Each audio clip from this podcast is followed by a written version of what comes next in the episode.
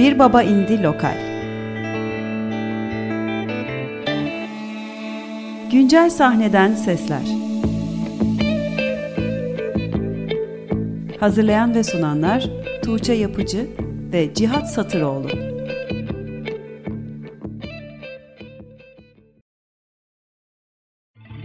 Zaman zaman bir başıma duruyorum O bile bana kalabalık.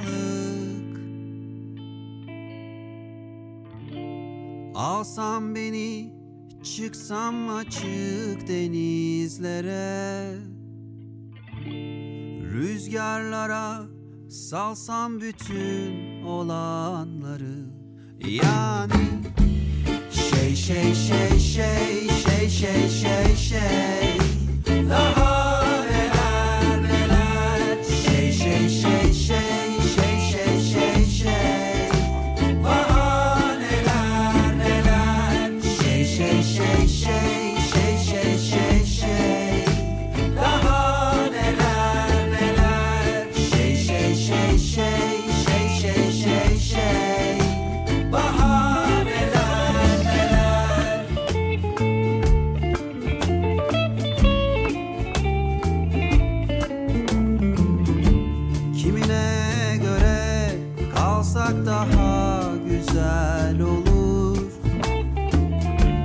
Kimine göre göçsek gitsek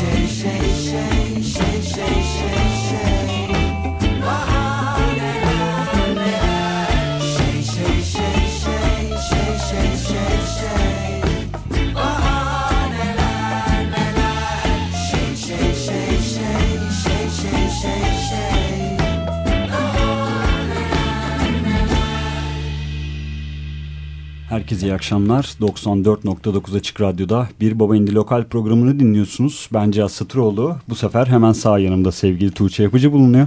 Stüdyo değiştirdik bugün. Evet bugün farklı bir stüdyodayız. Herkese iyi akşamlar. Evet bugün lokalimizin konuğuna gelelim hemen istersen Tuğçe. Kendisini nerelerden tanıyoruz? Öncelikle Gevende grubundan zaten tanıyoruz. Tabii ben yokmuşum gibi konuşabilirsiniz. Biraz öyle yapıyoruz başlangıcında. Sesinden de belki tanıyanlar olacaktır. Ahmet Kenan Bilgiç bizlerle. Hoş geldin. Hoş Nasılsın? bulduk. İyiyim, keyifler. Sizden nasılsın? İyi vallahi ne olsun. Aynı programlamaya devam.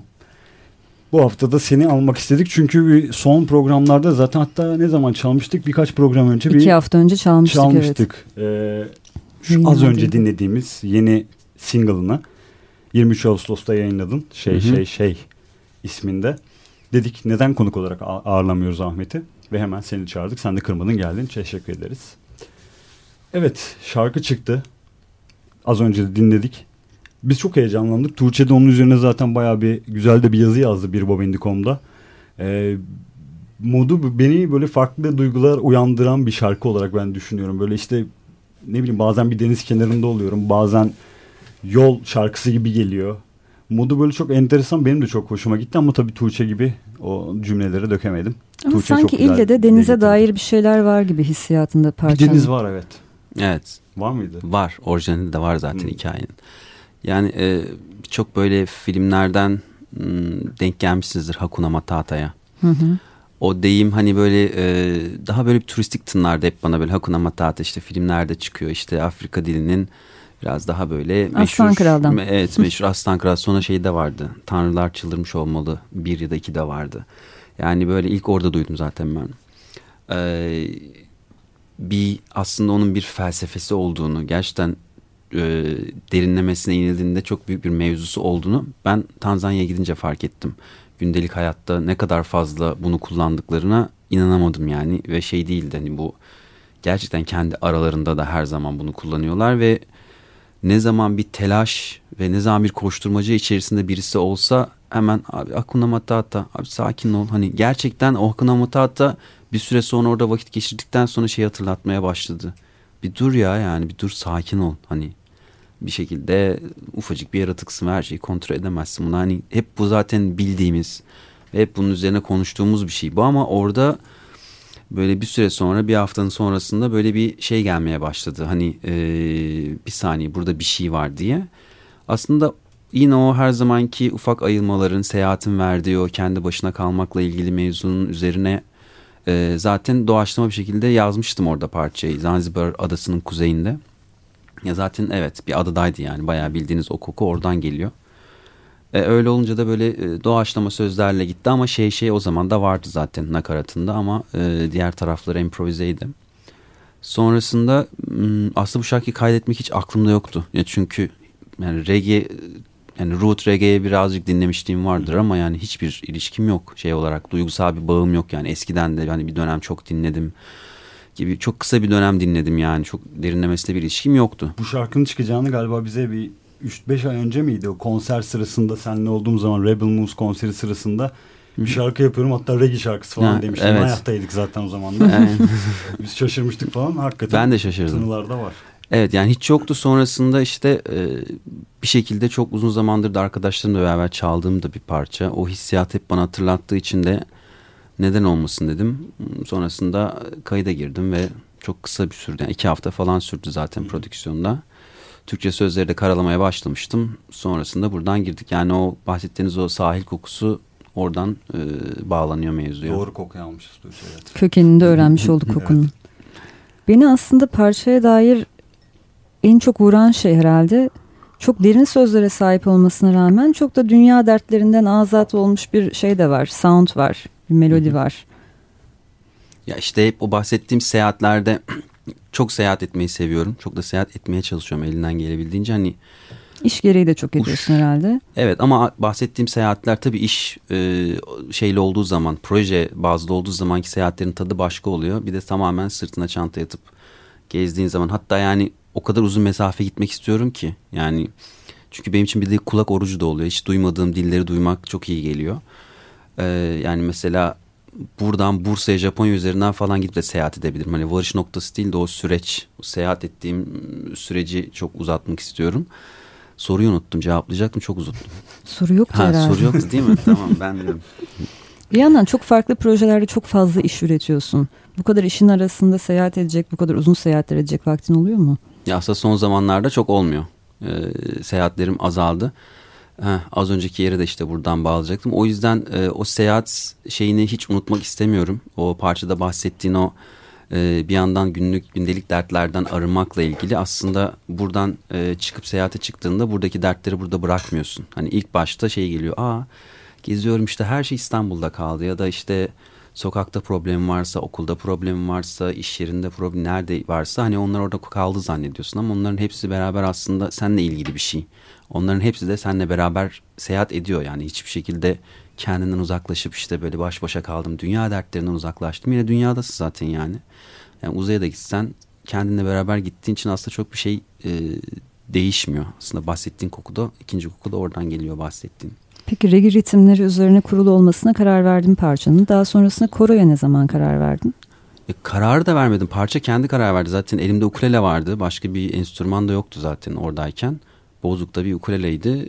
Orada o şekilde çıkınca öyle kaldı. Aslında e, mesela gitarla yap, yaptığım bir sürü parçayı işte bizim ekiple de atıyorum e, Viola Ömer'in yazdığı bir riff'i sonrasında diyoruz ki Aa, bunu gitar mı çalsa. Hani bir şekilde yazılan partisyonlar başka enstrümana evriliyor. O enstrüman sadece çıkarken bir araç olarak kullanılıyor aslında. Hangi enstrüman olduğu önemli değil. Yani trompetle de çıkmış olabilir, melodi, gitar çalabilir, vokalle çıkmış olabilir, onu piyanoya çaldırabilirsiniz. Aslında o fikir aşamasında o enstrümanlar ilk e, seferinde sana fikri vermek için sadece araçtır ama bu parçayı yani başka hiçbir enstrümanla çalmak, gitarla bile çaldığınızda, telli başka bir enstrümanla bile çaldığınızda o dokusu e, kayboluyordu tamamen. O yüzden ben karar vermedim. Ona parça kendisi karar verdi reggae tınısı olmasına. Bilal Karaman'la çok biz çaldık bunu. E, Kabak Vadisi'nde e, yukarıda bir mekan vardı. Orada Nena'da çalış, e, çalıyorduk. Gündüzleri hep beraber çalıyorduk yani ve Bilal herhalde 5000 kez çalmışızdır. 5000 kez de ilk akoru vurduğumdan itibaren kahkahalarla eğlenerek böyle e, bunu çalıyordu. Bilal'in de zaten o manuş gitar uslubundaki tınısı parçaya çok oturuyordu. O yüzden oradan da bir manuş e, tavrı geldi. İşte ukuleleyle beraber birleşince aslında tam reggae de değil. Aslında teknik olarak baktığınızda e, manuş geleneği, reggae geleneği form olarak baktığınızda aslında hiçbirine oturmuyor. Yani reggae e, formu da yok ritim olarak, manuş formu da yok, swing formu da yok aslında. Sanırım yani tam o yüzden olarak bu kadar güzel. tam olarak öyle yok ama hepsinin hepsine böyle bir şey çakıyor E, ve e, merhaba diyor yani. Yani sonuçta hakikaten olmayan bir şey çıkmış ortaya. Öyleyse ne güzel. Bunu istiyordum öyle. yani. Evet.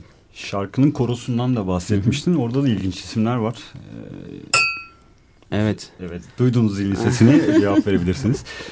Jacuzzi'den Kutay, Ekim Beril, Güler Tuncer, kardeş türkülerden tanıdığımız Feryal Öney değil mi? Evet. O kadro nasıl toparlandı? O da doğal böyle bir Hepsi zaten arkadaşım. Ee, yani İstanbul'u o yüzden çok seviyorum. Hani aklıma bir şey geldiğimde birçok danışacağım e, müzisyen de var. Birçok beraber çalışacağım müzisyen de var. Aslında o bir deryaya sahibim. Çok şanslı hissediyorum o anlamda kendim.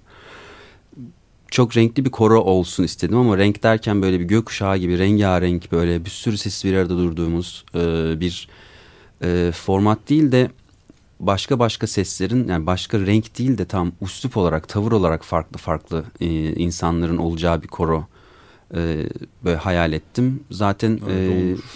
Feryal'i diğer başka bir parçada zaten hep kafamda vardı.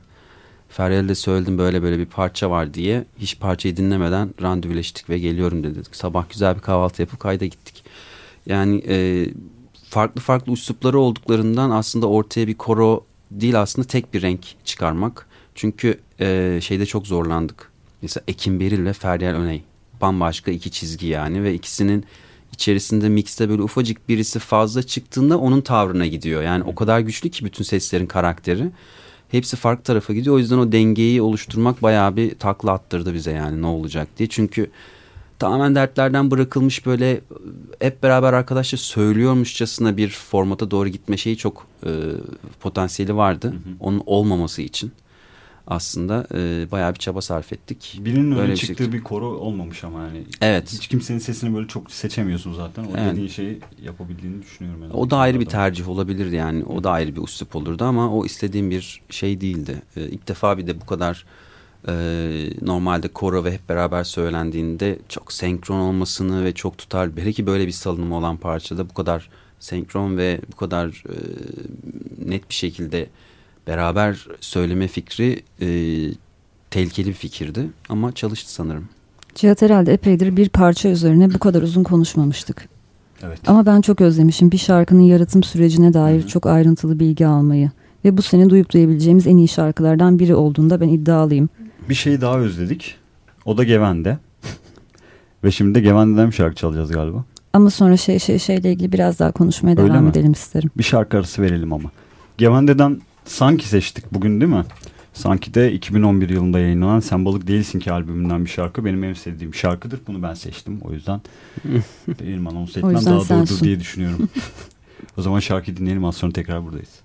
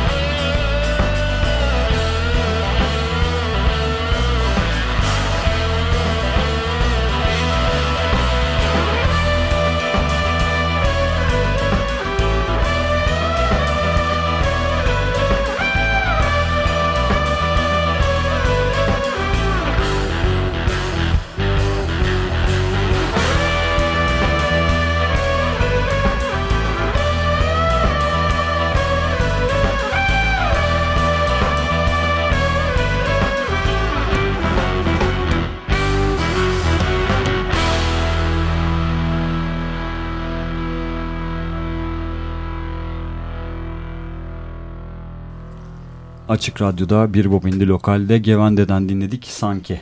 Evet buyurun şey şey şeyle ilgili konuşmaya devam edebilirsiniz. Ben Ahmet'in Instagram Hı. hesabını biraz stalkladım. Parçaya dair yazdığı her şeyi şimdi tek tek soracağım. Demosu şey daha mı? demosu daha mı iyiydi? Evet yazdım. Hmm. Bundan daha iyi nasıldı demosu? Ee, O zaman demosunu dinlemek istiyorum. o mahalle baskısı. Genelde hep olur zaten o. Yani bir şey ilk çıktığı anda e, etraftaki e, muhabbetiyle, sohbetiyle dinledi bütün dostlarım tabii ki de. Yani hep beraber çaldığımızda salaş bir şekilde sözler yok, hikaye netleşme, netleşmedi. Herkes kendine göre bir hikaye yazdı. Çünkü çok çaldık bunu şey ortamlarında böyle e, beraber yan yana geldiğimiz müzik ortamlarında. Hatta Manu Chao gelmişti. Çıplak Ayaklar Kumpanyası'nın SoundCloud hesabından görürsünüz. Onunla çaldık. Artu Tunç Boyacıyan'la çaldık. Onların kayıtları var. Kayıtta birisi arkada Shaker çalmış. Bütün kaydı rezil etmiş ama olsun yine de bir şekilde dinleniyor. Shaker çok tehlikeli bir enstrüman. Özellikle müzik ortamlarında bilmeyen eline vermeyin. Buradan dipnot. Ki genelde bilmeyenlerin aldığı bir enstrüman. Evet çok kolay Değil mi? zannediliyor ya. O çıkı çıkı ama bütün kaydı rezil etmiş. Neyse. Ahmet Yalnız neler diyorsun? Kimlerle kimlerle çaldık diyorsun? Bilal Karaman'la 5000 defa çaldık diyorsun. Yeni yayınlanmış bir parça için çok fazla Evet. geçmişi yok mu parçanın? Tabii canım bayağı bir şey var. Hatta eee, şöyle bir şey var. Parçanın sana izletirim birazdan. Eee, parçanın ilk çıktığı yer zaman, ilk böyle kafasını çıkarıp böyle e, çalmaya başladığım zaman eee, Atalay fotoğrafçı arkadaşım, çok da hep beraber seyahat ettiğim bir arkadaşım. Ee, ya dedim ki şunu bir hani şey yapalım kaydedelim. İleride çünkü bir balık pazarı vardı. Bir balıkçı köyü vardı. O köyü de gidip kaydedelim dedim. Ee, orada da çok uzun hikaye ama çok dolaylı bir yerden yerel halktan bir tanıdığımız e, bir tayfa vardı. Hmm, onlarla beraber takılıyorduk zaten. Ya işte bizim Edi de var falan o da şarkı söylüyor çok güzel reggae falan dedi. O da geldi. Biz balık pazarına gidip kayıt yapacaktık orada. Hem kamera hem ses kaydı şarkıyı da beraber söyleriz. Hani nasıl doğaçlama derken balık pazarına giderken 10 dakika bir yürüdük ve yolda şarkıyı çalışmak üzere çalmaya başladım ben ve e, başımıza bayağı bir çok tatlı güzel olaylar geldi. O videosu var yani parçanın ilk çıktığı ve ilk birisiyle doğaçlandığı anın da hikayesi var. Peki bu şarkıyı ne zaman yazmıştın? Bunca şey Bu ne zaman oldu? Bayağı, bayağı eski bu. Hmm, 2005 sene falan var galiba rahat. Yani şarkıyı olgunlaşacak vakti de tanımışsın. Hiç olgunlaşmadık ilk çıktığı gibiydi yani. Öyle mi? Evet yani albümde birazcık e, kendine geldi. Çıkana kadar sadece ukulele ve Bilal'le çalıyorduk ve söylüyorduk yani aslında çok çok büyük bir şeyi yok. E, gelişim süreci ya da bir değişikliği yok. O yüzden demo daha güzeldi. Şuradan herkes alıştı o haline. Ve bir şeye alıştığı zaman insanlar farklı bir şey söyleyince hele ki sözler gelince e, bambaşka bir hikaye duymaya başladılar. Onlar arkadaşlara dipnot. Geçen sene Cihat'la birlikte bir gün Jingle House'a gelmiştik. Hı hı. Rebel Moose'dan Ömer ve Hakan Beyler ve seninle bir röportaj yapmıştık. Sen orada da çok benzer bir şey söylemiştin. Demolar her zaman daha iyidir. Hı hı. Öncesinde tek mikrofonla kaydettiğin şeyi albüm kaydına girip beş mikrofonla kaydettiğinde aynı güzelliği yakalayamıyorsun diye. Evet aslında bir yandan bu beceriksizlik gibi de tınlıyor. Ya belki e, ama e, şey ilk çıktığı andaki e, haleti ruhiye ilk yani ben şuna inanıyorum. Demo şu yüzden güzel. E, tamamen fikri kağıda dökmekle ilgili bir motivasyonun oluyor demoda. Tamamen yani hiçbir şey umurunda değil. Mikrofon yamuk durmuş, o olmuş, bu olmuş. Kayıtta dökmeye başladığın zaman bir sürü değişken giriyor aklına. O, o enerji bir şekilde hikayeden uzaklaşmıyorsun evet ama bir şekilde e, o enerji Ruhu senin senin ruhu gidiyor çok yanlış kelime. Aslında Öyle mi? yeni bir ruh katıyorsun ona. Yeni Hmm. bir şey katıyorsun. O yüzden o ilk Yaparken ki ruhun yerine başka bir ruh katmak gibi. e tabi aslında makyaja giriyorsun Evet. artık yani. E, ve Ham halinden çıkıyor evet aslında. ham halinden çıkıyor. E, ama eğer ki birisi mesela ben şu an sana demosunu dinletsem aa daha güzelmiş demezsin. Çünkü bu alışkanlıkla ilgili bir şey. Oradaki not arkadaşlara. Genelde demosunu dinlediğimiz ya da ilk halini dinlediğimiz parçaların sonra albüm kaydına girip bir prodüksiyon sürecinden geçtikten sonraki halini yabancılaşıyoruz. Evet çok büyük ölçüde yabancılaşıyoruz ama dinlemezseniz demo halini e, prodüksiyon tarafıyla e, aranız iyi oluyor. Biz yine de bir onu program sonrasında dinleyebilirsek ben mutlu olurum en azından. Evet, Merak kesinlikle. bu kadar konuşmanın üstüne. Peki vokallerine de Özkan Uğur'un dokunuşları olmuş. Evet Özkan abi Ağlaya Ağlaya'da da e, ilk bir el atmıştı. Bana çünkü e, hep böyle muhabbetlerde hani doğaçlama dil söylüyorum oğlum Türkçe yazsana. İşte bak gir ya dedim hani biraz zorlanıyorum bir yandan da elim gitmiyor. İşte oğlum yaz oğlum yaz oğlum yaz böyle ilk e, e, onun böyle bir şeyle yavaş yavaş bir elim gitmeye başladı. Bayağı kurcalamaya başladım. Ağlaya'da da bayağı bir dix e, prozodi ile ilgili e, ve kelimeye anlam yüklemekle ilgili minik çalışmamız oldu. Bunda da yan yana değildik. E, hep online gönderdim. Öyle oldu böyle oldu. Parçanın tonuyla ilgili özellikle parçayı ben bir ton yukarıdan söylüyordum ve öyle bir çizgide ki artık şey neredeyse bağırarak söylüyordum. Yani işte olmaz böyle falan diye böyle bir ton aşağıya indirdim. O kadar içime sinmedi ki. Yani böyle yok dedim ben bunu indirmeyeceğim. Yani diğer bütün şunun fikirleri çok iyiydi. Çok iyi çalıştı yani. Ama onu ben içime sinmedi ve yapmayacağım diye girdim kayıda. Sonra Sinan Sakız'ı tabii ömürlük prodüktörümüz bizim. Abi ya senin sesin burada değil sanki bir ton aşağıda mı deyince hemen Bilal'i aradım. Bilal çalmıştı gitarları ve zaten akşam buluşacaktık ve arkasında Manuş gitarıyla işte İstanbul'un güzelliği hemen oralardaydı. Geldi ve tekrar yeniden kayıt aldık. Ve parçayı bir ton aşağıdan söyledim. Aslında çok daha bağıran bir parçaydı benim için. İşte o aslında demodaki o ilk çıktığı anda bağırarak söylediğim şey bana da o kadar yapışmış ki.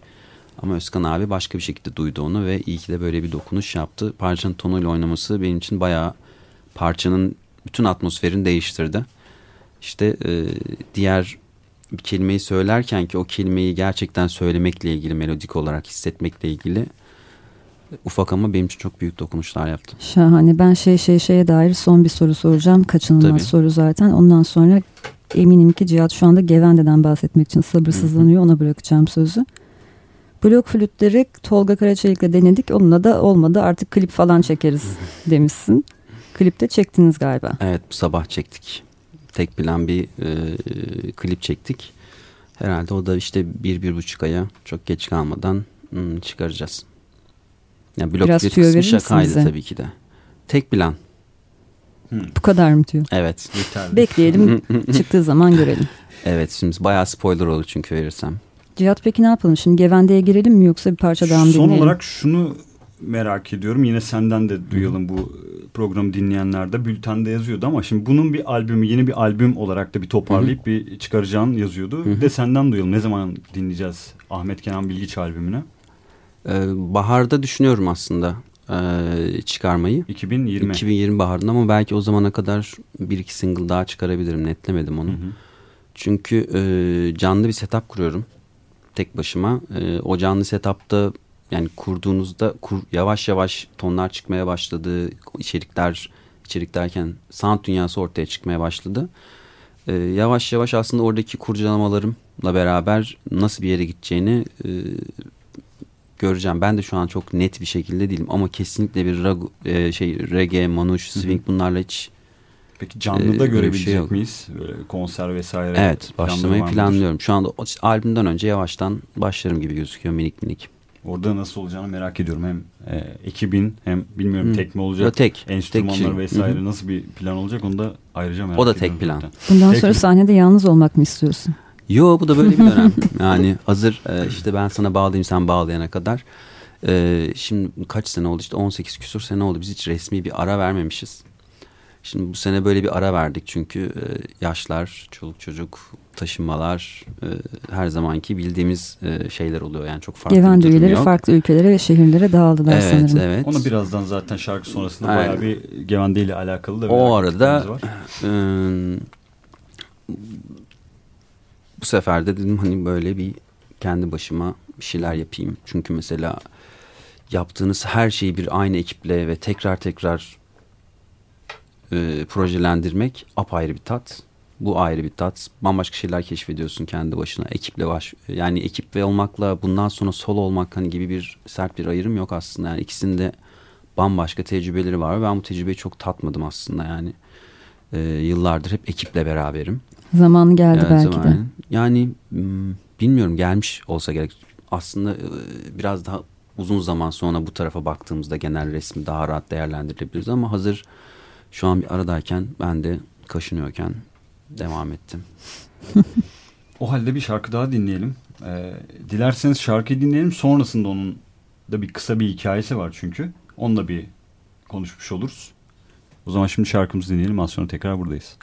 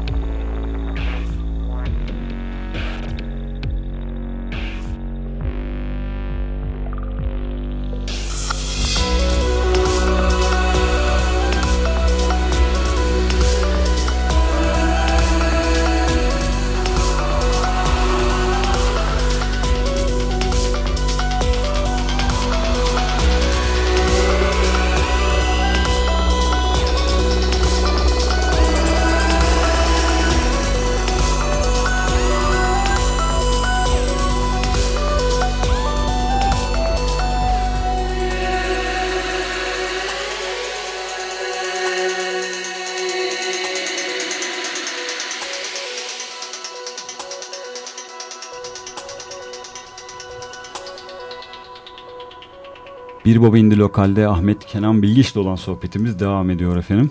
Evet, şu an sürmekte olan şarkı neydi acaba sevgili Ahmet Kenan Bilgiç? Bunu önceden planladığımız Bunu özellikle söylemedim. Çünkü bunun da ayrı bir hikayesi var. 5 dakika daha böyle bir konuşmayı sonrasına bırakalım istedim. Senden dinleyelim. Şimdi bu şarkının bir hikayesi var. Bir aslında bir soundtrack albümü. Nedir bu albüm? Hmm, Bristol'da bir e, prodüser var Rowan. Rowan F. Hmm, onun bir projesi aslında bu. E, şöyle bir proje. Live mapping performansı aynı e, aslında. E, diğer projelerden live performanslar, live mapping performanslardan ayıran şey e, aynı zamanda üzerine senkron bir e, riggerlarla binanın tepesinden sallanan 5 e, tane dansçının da mapping'de gösterilen e, görsele senkron bir şekilde Hı. ve onun üzerinde hareket ediyormuşçasına e, bir koreografi yazılması. E, diğer gösterilerden çok ayrıştırıyor. Çok fazla örneği yok bunun. Ve çok büyük bir proje. Hem maliyeti hem de e, prodüksiyonu. O projenin e, müzik tarafı e, yapılması için bizim taraftaydı. En başından beri bu projenin e, koreografisiyle, e, hikayesiyle öncesinde masa üstünde çok uzun bir çalışma oldu. Çünkü her şeyin senkron olması gerekiyor ve birçok noktada e, müziğe göre de dans tekrar revize edildi. 6 aylık falan masaüstü çalışması yapıldı.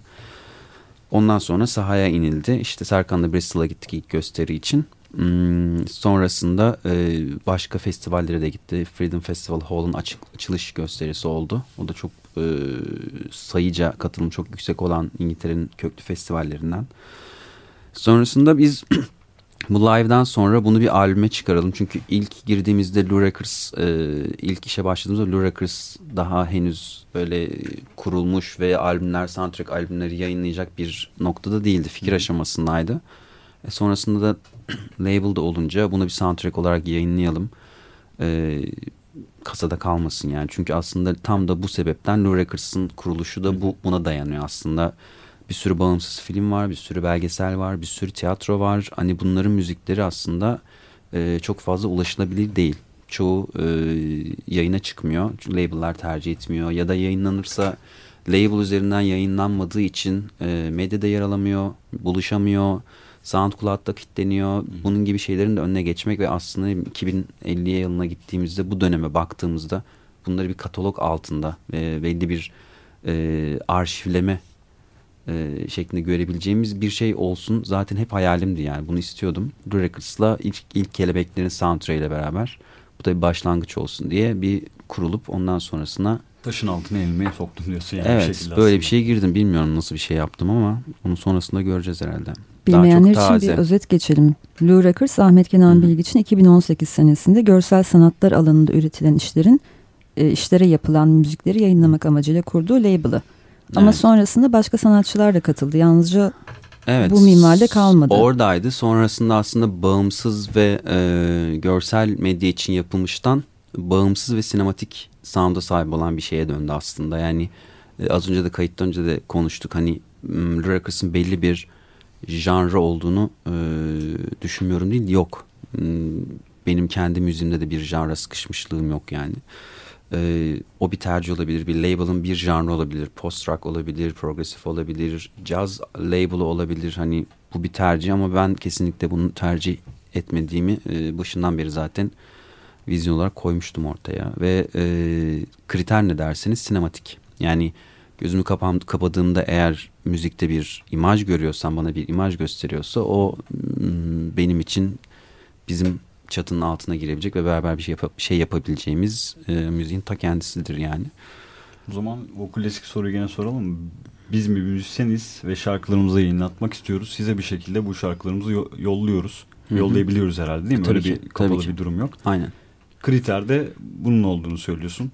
Yani kriter diye hep sorulduğundan şey. aslında ben bunu hiç düşünmemiştim ama abi kriter ne? Neye göre seçiyoruz? Biz hani ekip olarak bile yan yana geldiğimizde biz neye göre seçim yapıyoruz diye konuştuğumuzda hani e, o zaman hı, evet bir şeyin olması gerekiyor. Çünkü bir filtrenin olması gerekiyor. Bu filtreyi bu şekilde. E, Başladı mı peki böyle kayıtlar yeni? Tabii yeni gelen var. müzisyenlerden? Var evet. Ee, şimdi en son şu an önümüzdeki projelerde... E, Berkecan Özcan'ın e, bir Deniz Aydemir yönettiği bir e, müzik belgeseline yaptığı inanılmaz güzel bir e, soundtrack albüm var.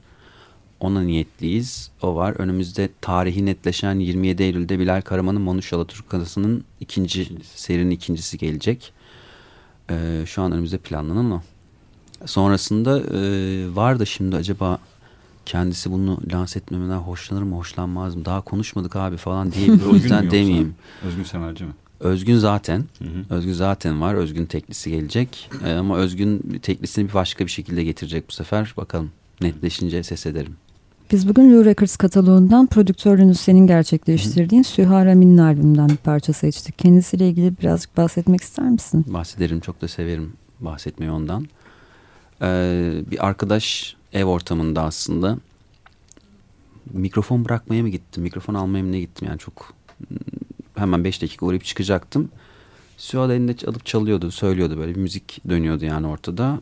Ben diyorum bu şarkıyı nereden biliyorum, bu şarkıyı nereden biliyorum. Bir tane daha çaldı, bu şarkıyı nereden bir tane daha çaldı. Böyle kimdi ya bu falan benim parçalarım dedi. Böyle yani benim şeyim durum yok işte. Ya sana işte gel bir albüm yapalım. Hani hiç hayatımda birisine öyle bir şey demiş değilim yani. Yani e, Suha ben tanıştığımda işte zaten şu anda da 63 yaşında galiba.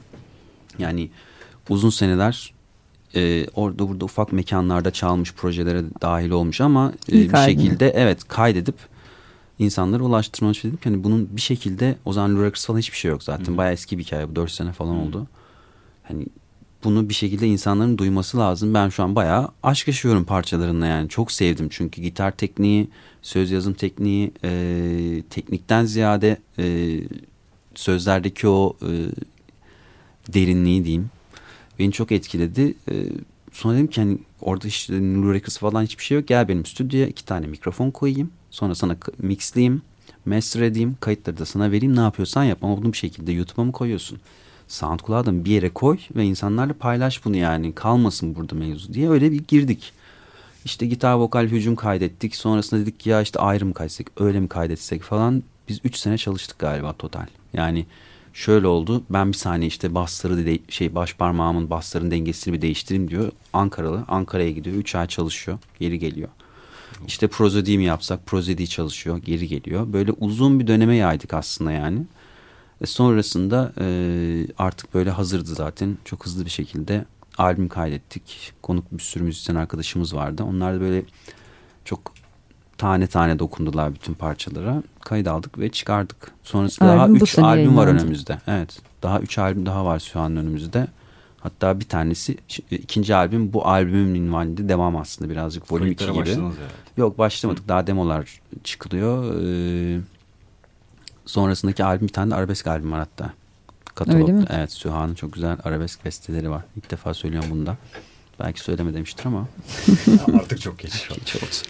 O zaman Süha Rami'nin e, Nisan ayında çıkardığı 10 şarkıdan oluşan 10 şarkı isimli albümünden Düştüm. Ahmet Kenan Bilgiç de yine eşlik ediyor bu parça. Onu dinleyelim. Az sonra tekrar buradayız.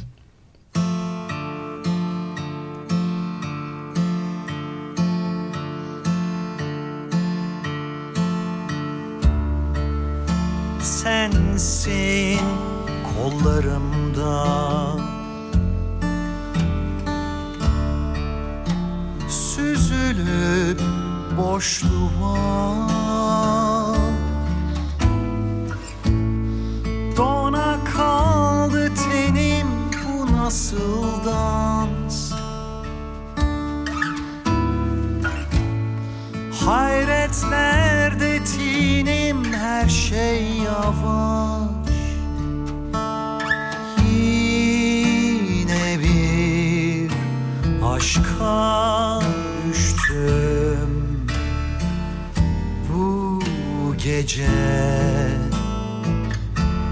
Başka gönlüm. Öyle bir aşka düştüm ki. O gaya kuyusu sanki düştüm Düştüm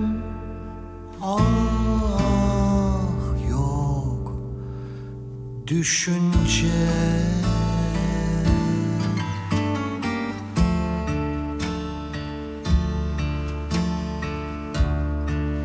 Sensin hep dilimde. Bağ yok hiç dizlerimde. Hoş sedan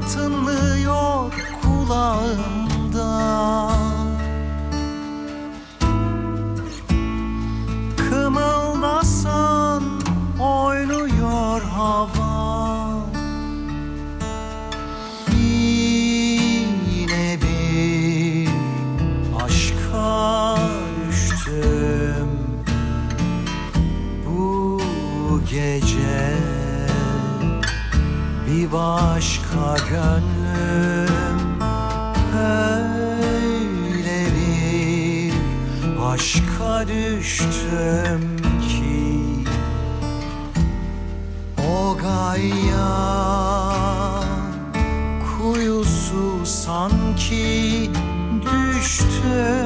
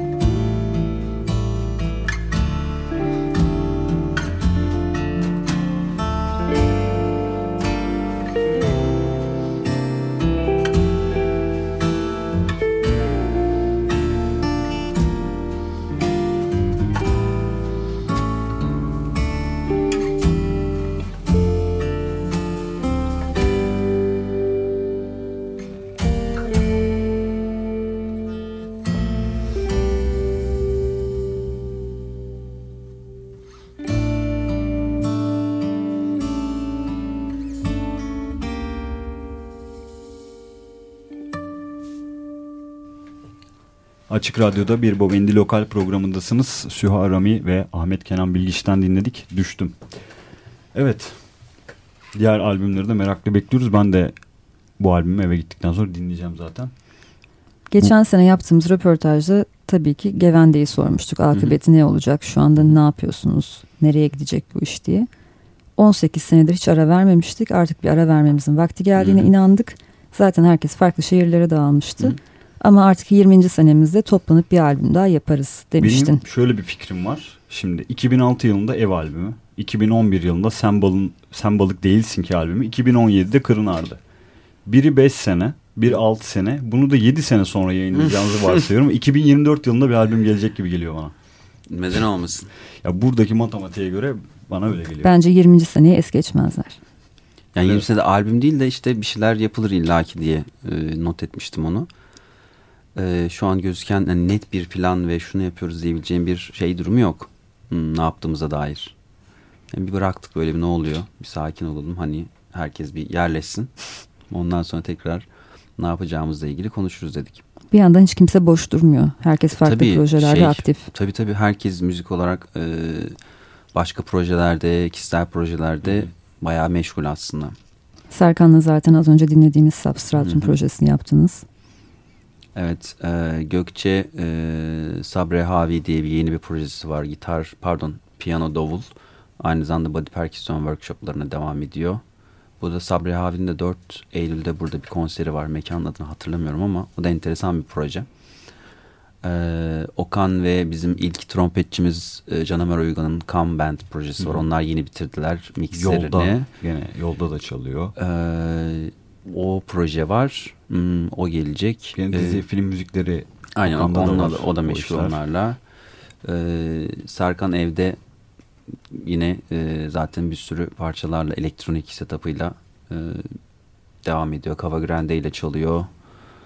E, hayır hepsini hatırlayayım. Umarım arada atladığım bir şey yoktur. E, sonra Gökhan Türkmen'le devam ediyor sahnelere. O da bayağı yoğun. Viola Ömer daha çok e, çocuk parçaları ve e, o tarafla ilgili bir sürü prodüksiyon içerisinde. Hepimiz koşturuyoruz bir şeyleri. var. Herkes çok Herkes aktif başka olduğu bir için yandan ak- evet. Arada hani- atladığım bir şeyler olsa da sorun değil Evet. bence. bence çok şey olmaz. Bir iki sene içerisinde yine böyle Gemen hadi toparlanalım gelecektir herhalde öyle bir hadi artık diyen biri çıkacaktır ve sonra Gemende'den de ufak ufak bir şeyler göreceğiz. En Reggae yapıyormuşuz değil mi yine? Mesela neden olmasın? Yeni Olmaz. albüm Reggae geliyor. Aynen. Hayatta bir konser yaparız falan böyle hemen. Peki film müzikleri yapmaya ilk ne zaman başladın Ahmet? Bir de nasıl düştün bu işin içine? Nasıl merak saldın? Ee, çok eskiden hemen hızlıca anlatayım girişini mevzunun. Bir şekilde film müziğine e, aslında herkes her şey Michael J. Fox'ta başladı. Geleceğe Dönüş filminde ben onun Johnny B. Johnny B. Good partisini ilk defa duydum. Rock and roll müziği yani çocukluğumda hani işte e, Moğollardır, Barış Manço'dur. Zaten onlarla hep büyüdüm ama e, orta üçtü sanırım. Back to the Future'da o soloyu görünce bu ne diye yani ondan sonra da teybe kaydettim onu televizyonun önünden. Ee, en büyük abimin pardon en benden bir büyük abimin üç abim var benim. Onun büyük ısrarları sonucu bir eve gitar alınmıştı. Ee, bütün mücadele o verdi. Sonra ben gitarı merak sarınca üstüne bir e, hemen hızlıca ne oluyor diye bir girmeye başladım. O yüzden Geleceğe Dönüş filmi beni bütün o e, böyle kaykaylı falan böyle gitar çalıp bayağı Michael J. Fox zannediyordum kendim bir ara. Öyle dönem olmuştu. Sonrasında e, işte Chuck Berry, Jimi Hendrix'i, onları Santana'nın Woodstock dönemlerini keşfedip ilerleyince Michael J. Fox'u tekrar böyle izleyeyim derken sonra filmin müzikleriyle ilgili bir ayıldım. Bu nasıl bir müzik hani diye. Çünkü Back to the Future filmin sound'u benim için rock and roll'du evet ama sonrasındaki o arkadaki scoring görüp sahnelerdeki o şeyi e, Michael J. Fox'un bakışların altındaki o müzik burada bir şey vardı. Üniversite yıllarına doğru böyle iyice film müzikleriyle ilgili filmleri izlerken artık o gözle izlemeye başlamıştım zaten. Sonra üniversitede ben işletme okudum. Ee, film müziği yapmayı çok istiyordum böyle işte çocuklar üniversitedeki işte kısa filmcilere falan gidiyordum hani müzik yapayım size falan hani kimse tabii iplemiyor. E, ekipman da yok bir şey de yok. Nasıl yapılacağına dair fikrim de yoktu. Sonrasında bir e, çok sevdiğim Seyfi Cem Baskın yönetmen arkadaşım. O da abi yaz o zaman bir şeyler ben çekeyim üzerine de müziğini yaparsın dedi. Ben bir şeyler yazdım. Kendim de oynadım. Arkadaşları topladım. Seyfi Cem çekti. Sonra burada e, Uğurcan Ataoğlu vardır Alameti Farka'daki. E, bir film jürisinde, kısa film jürisinde filmi izliyor. E, ve bizi aradı sonra. Gelin diye. Sonra onunla tanıştık. O beni Jingle House'a tanıştırdı. E, çok uyar enerjiniz diye. Sonrasında ben e, mezun olur olmaz Ömer Ahummay'ı zaten inanılmaz darladım. Yani her gün arıyordum böyle sapık gibi. Sonrasında Sene tamam geldi de arada? 2004'de oluyor bu. Sonra e, Jingle House'a girdim. Mezun olup hemen burada çalışmaya başladım yani. Orada iyice zaten prodüksiyon, e, film geldiği zaman nasıl bir süreçten geçiyor birçok detayına zaten hakim olmaya başladım. E, öyle bir Reklam şekilde jingle'larına girdim. girmedin ama herhalde. Girdim. hiç. Bir Girdin sürü mi? reklam jingle da yaptım. Aslında o biraz daha şey böyle reklam jingle'ında şey vardır her zaman. Ee, şu tarz istiyoruz. Janrla gelinir. İşte rock olsun. Şu melodi aynı şekilde hem işte caz olsun hem de klasik armonide olsun. Brazilian olsun. işte samba yapalım bunu diye. Aslında aynı melodiyi farklı farklı işleme refleksine de çok fazla e, dahil oluyorsun ve aslında başka bir prodüksiyon bakış açısı kazanıyorsun orada. Yalnız tehlikeli bir prodüksiyon bakış açısı bu. Çünkü her şeyi her şekilde yapabileceğinle ilgili. Ama teknik olarak, ruh olarak demiyorum. Hani reklamda evet samba yaparsın da aslında samba formunu mahvedersin yani. Aslında bambaşka şeyler yapılabilir. Çünkü her şey çok hızlı.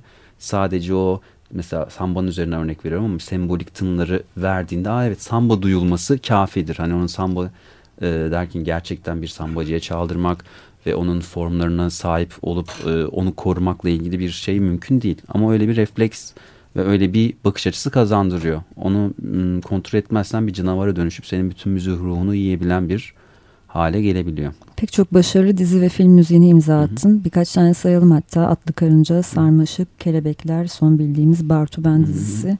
Senin eklemek istediğin de vardır belki. Evet, Hepsi baş... de ayrı Yabancı filmler var. yani. Evet.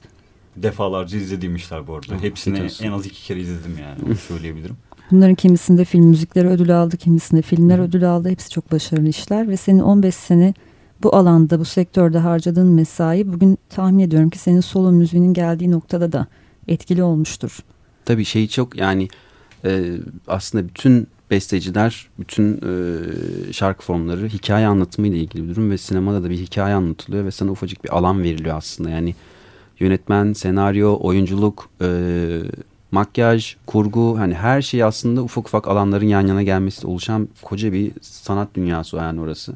Sanat dünyası lafını da kullandığıma inanamıyorum ama bir sürü sanatın bir araya geldiği bir dünya oradan hikayeye dahil olabilmek için bir çaba sarf etmek e, ve hikayeye müzikle dahil olmak ve o hikayeye müzikle ben nasıl artı değer koyarım ya da nasıl dokunmam bununla ilgili bir çaba sarf ediyorsun. O muhteşem keyifli bir şey zaten. Yani o e, diğer kendi yaptığım bestelere, hikaye anlatımına tabii ki de dokunuyor.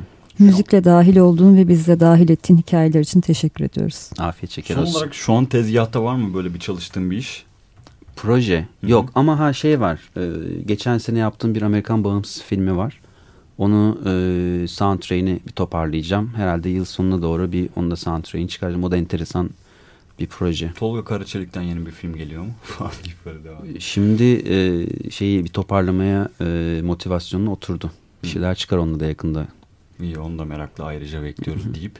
O Artık zaman şey şey şeyin klibini izlemek ve seninle sezon içinde konserlerde görüşmek için sabırsızlanıyoruz. Çünkü vakitte. programımızın sonuna geldi. Maalesef. Evet. Böylece Tuğçe Yapıcı kapanış konuşmasını da Evet. yapmış oldu.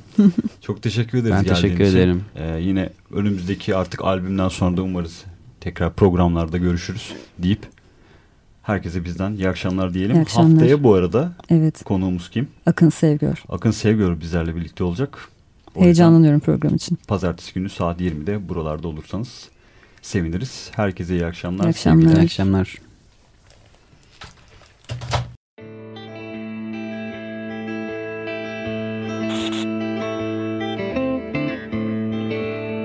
Bir Baba indi Lokal Güncel sahneden sesler.